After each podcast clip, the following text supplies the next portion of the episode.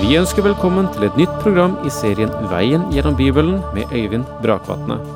Denne studieserien er produsert av P7 Kristen Riksradio og bygger på serien Through the Bible av Vernon McGee. I dag fortsetter vi med profeten Mika.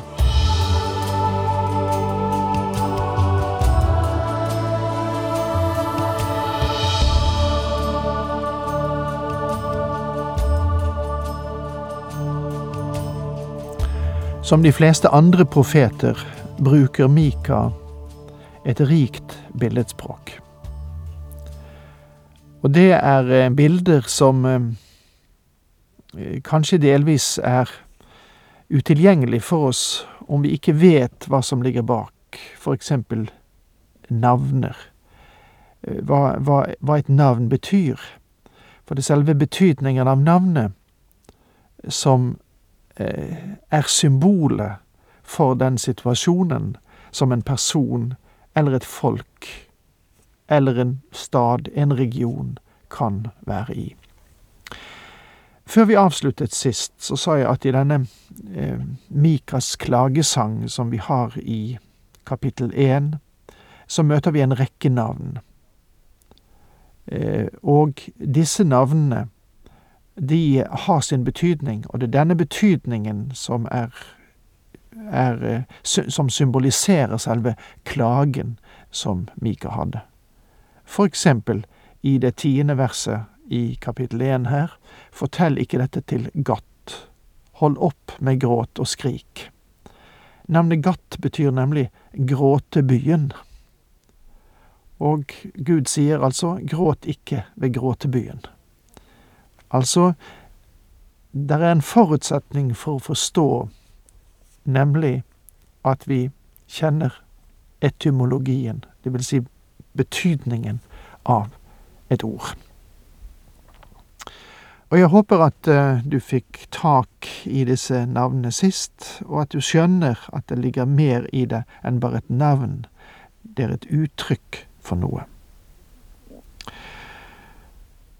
Det siste vi tok for oss, var vers 14 i Mika 1, Eh, før vi sa farvel til hverandre sist, og der møter vi navnet Aksib. Eh, som en sviktende bekk er husene i Aksib. Og jeg sa at Aksib betyr vinterbekk eller en løgn. Det vil si noen som ikke eh, opprettholder sannhet. For vinterbekken var slik at den var, og den strømmet til, Eh, på vinteren, når nedbøren var, og så var den helt tørr på sommeren. Altså uttrykk for at den ikke holdt sitt ord hele året. Den var ikke en bekk hele året. Og derfor blir den symbolet på løgn. Som en sviktende bekk er husene i Aksib for Israels konger. Og nå må vi gå videre. Altså Mika 1, vers 15. Enda en gang sender jeg en erobrer mot dere folk i Maresja. Han kommer til Adullam, Israels pryd. Her antydes det at hjelp vil komme til Israel, men ikke denne gang. Det er bare en svak antydning at Israels pryd er arvingen i Davids etterlinje, og den Herre Jesus Kristus er den eneste som passer til denne beskrivelsen. Et av hans navn er trofast. Han er trofast og sann, og han vil fri dem ut. Han vil ikke komme fra løgnens by, det er sikkert. Men på Mikas tid ble Israel grundig lurt, og de fikk ingen hjelp da asyrerherren kom fra nord og sopte over landet. Nå kaller Mika Israel til å sørge som et folk. Klipp deg snau, rak håret av i sorg over dine barn. Gjør ditt hode snaut som et gribbehode, for barna er ført bort fra deg. Da Syria okkuperte Israel første gang, tok de med seg de unge i fangenskap. Og folket kalles til sorg og klage på grunn av det. Det å rake seg selv var et tegn på sorg. Selv om de i Moseloven fikk påbud om at de ikke skulle klippe skjegget og heller ikke rake seg, så får de nå, på grunn av den synd som har gjennomtrengt folket, beskjed om å uttrykke sin sorg på denne måten. Jesaja, som var samtidig med Mika, hadde noe å si om denne sedvanen. Og i Jesaja 15 vers 2 leser vi Folket i Dibon går opp til tempelet, til offerhaugene for å gråte. Moabittene holder klage over tap av Nebo og Medeba.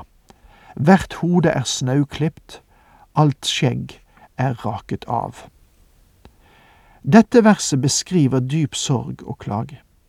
De hadde mistet sine barn, forstår du, og dette er Guds dom over dem. Og med det avsluttes kapittel én her hos Mika, og vi er klar til å gå inn i kapittel to. Og her finner vi profetens andre budskap, og det er en beskrivelse av spesielle synder. Og det er det eh, Mika tar opp spesielt her. Dommen kom over disse menneskene fordi de hadde hengitt seg til avgudsdyrkelse med alt hva det innebar. Avgudsdyrkelse på denne tid representerte også grov umoral, og lønnen til horene ble betalt på høydene. Prostitusjon var en vesentlig inntektskilde for religionen deres fordi sex er knyttet til avgudsdyrkelse. Vi ser det samme er sant også i dag når det gjelder det okkulte og i satantilbedelsen. Og jeg tror det er en klar forbindelse mellom det okkulte i dag og den avgudsdyrkelse som foregikk på Mikas tid. Sex spiller en stor rolle i begge situasjoner. Det er en åpenbaring av mennesket som bryter Guds bud. Seksuell synd og avgudsdyrkelse synes å løpe sammen. De ødelegger hjemmet og ødelegger det vakre og ømme fellesskap mellom en mann og en kvinne i ekteskapet. Når den seksuelle dimensjon knyttes til fellesskap i et ekteskap, så kan det bli noe av det vakreste og mest dyrebare på jorden. Men når et folk drar seksualiteten ut av denne sammenheng og oppmuntrer til fri sex i religionens navn, eller den nye moralens navn, så er det i seg selv et uttrykk for at nasjonen er i forfall og på vei ned. De synder som Mika vil tordne mot i dette kapitlet, er synd mot hverandre, synd mot menneskeslekten, mens synden som ble omtalt i kapittel én, dreide seg om deres fellesskap med Gud. Du forstår at der et menneske ikke har det rett med Gud, er det vanskelig å ha det rett med medmennesker.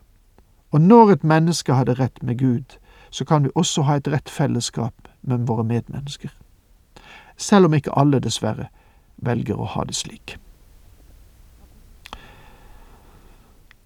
Kapittel to, som vi nå går inn i, viser oss ikke et vakkert syn. Du vil neppe synes at dette er det vakreste kapittelet i Guds ord.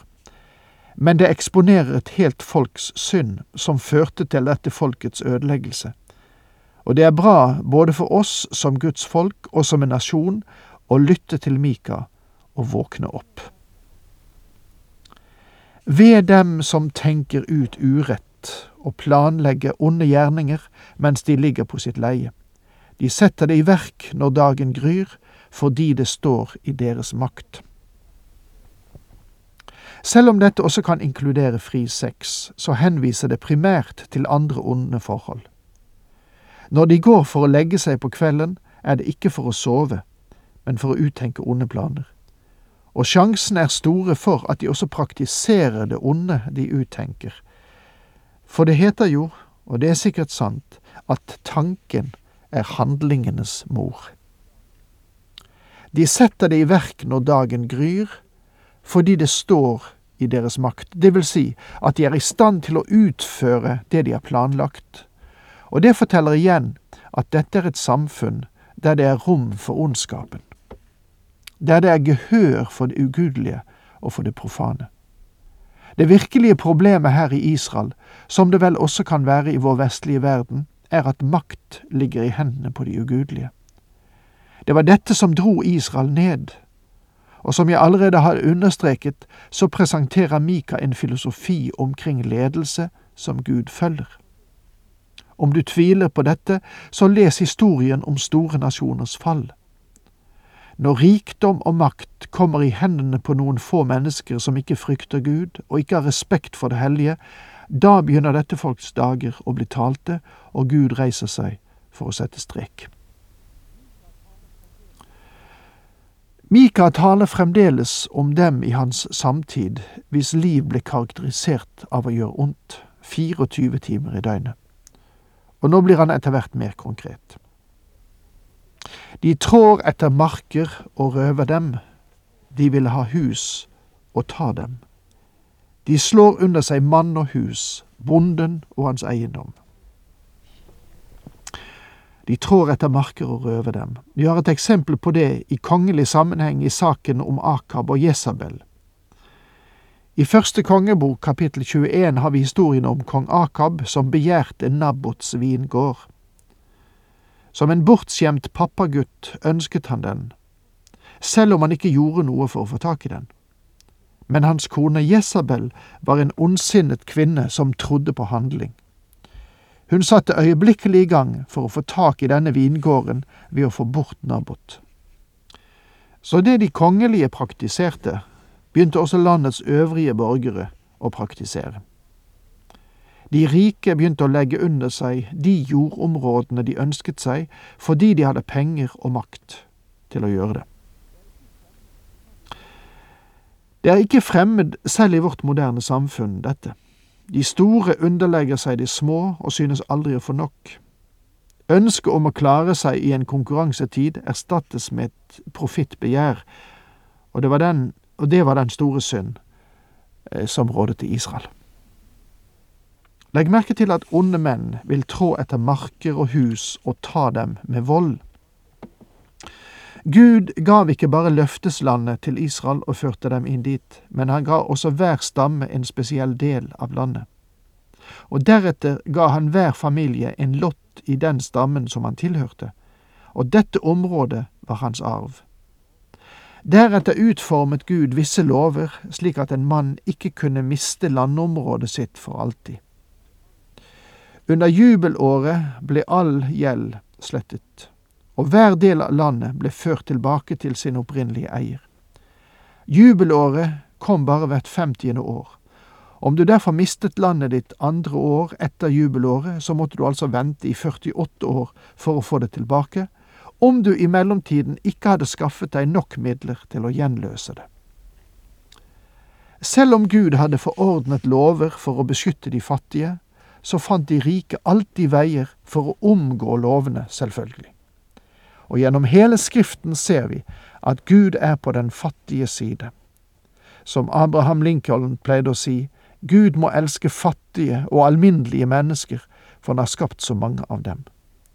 Og den Herre Jesus selv hadde god erfaring med denne verdens fattigdom. Og med dette må jeg si takk for nå, Herren med deg.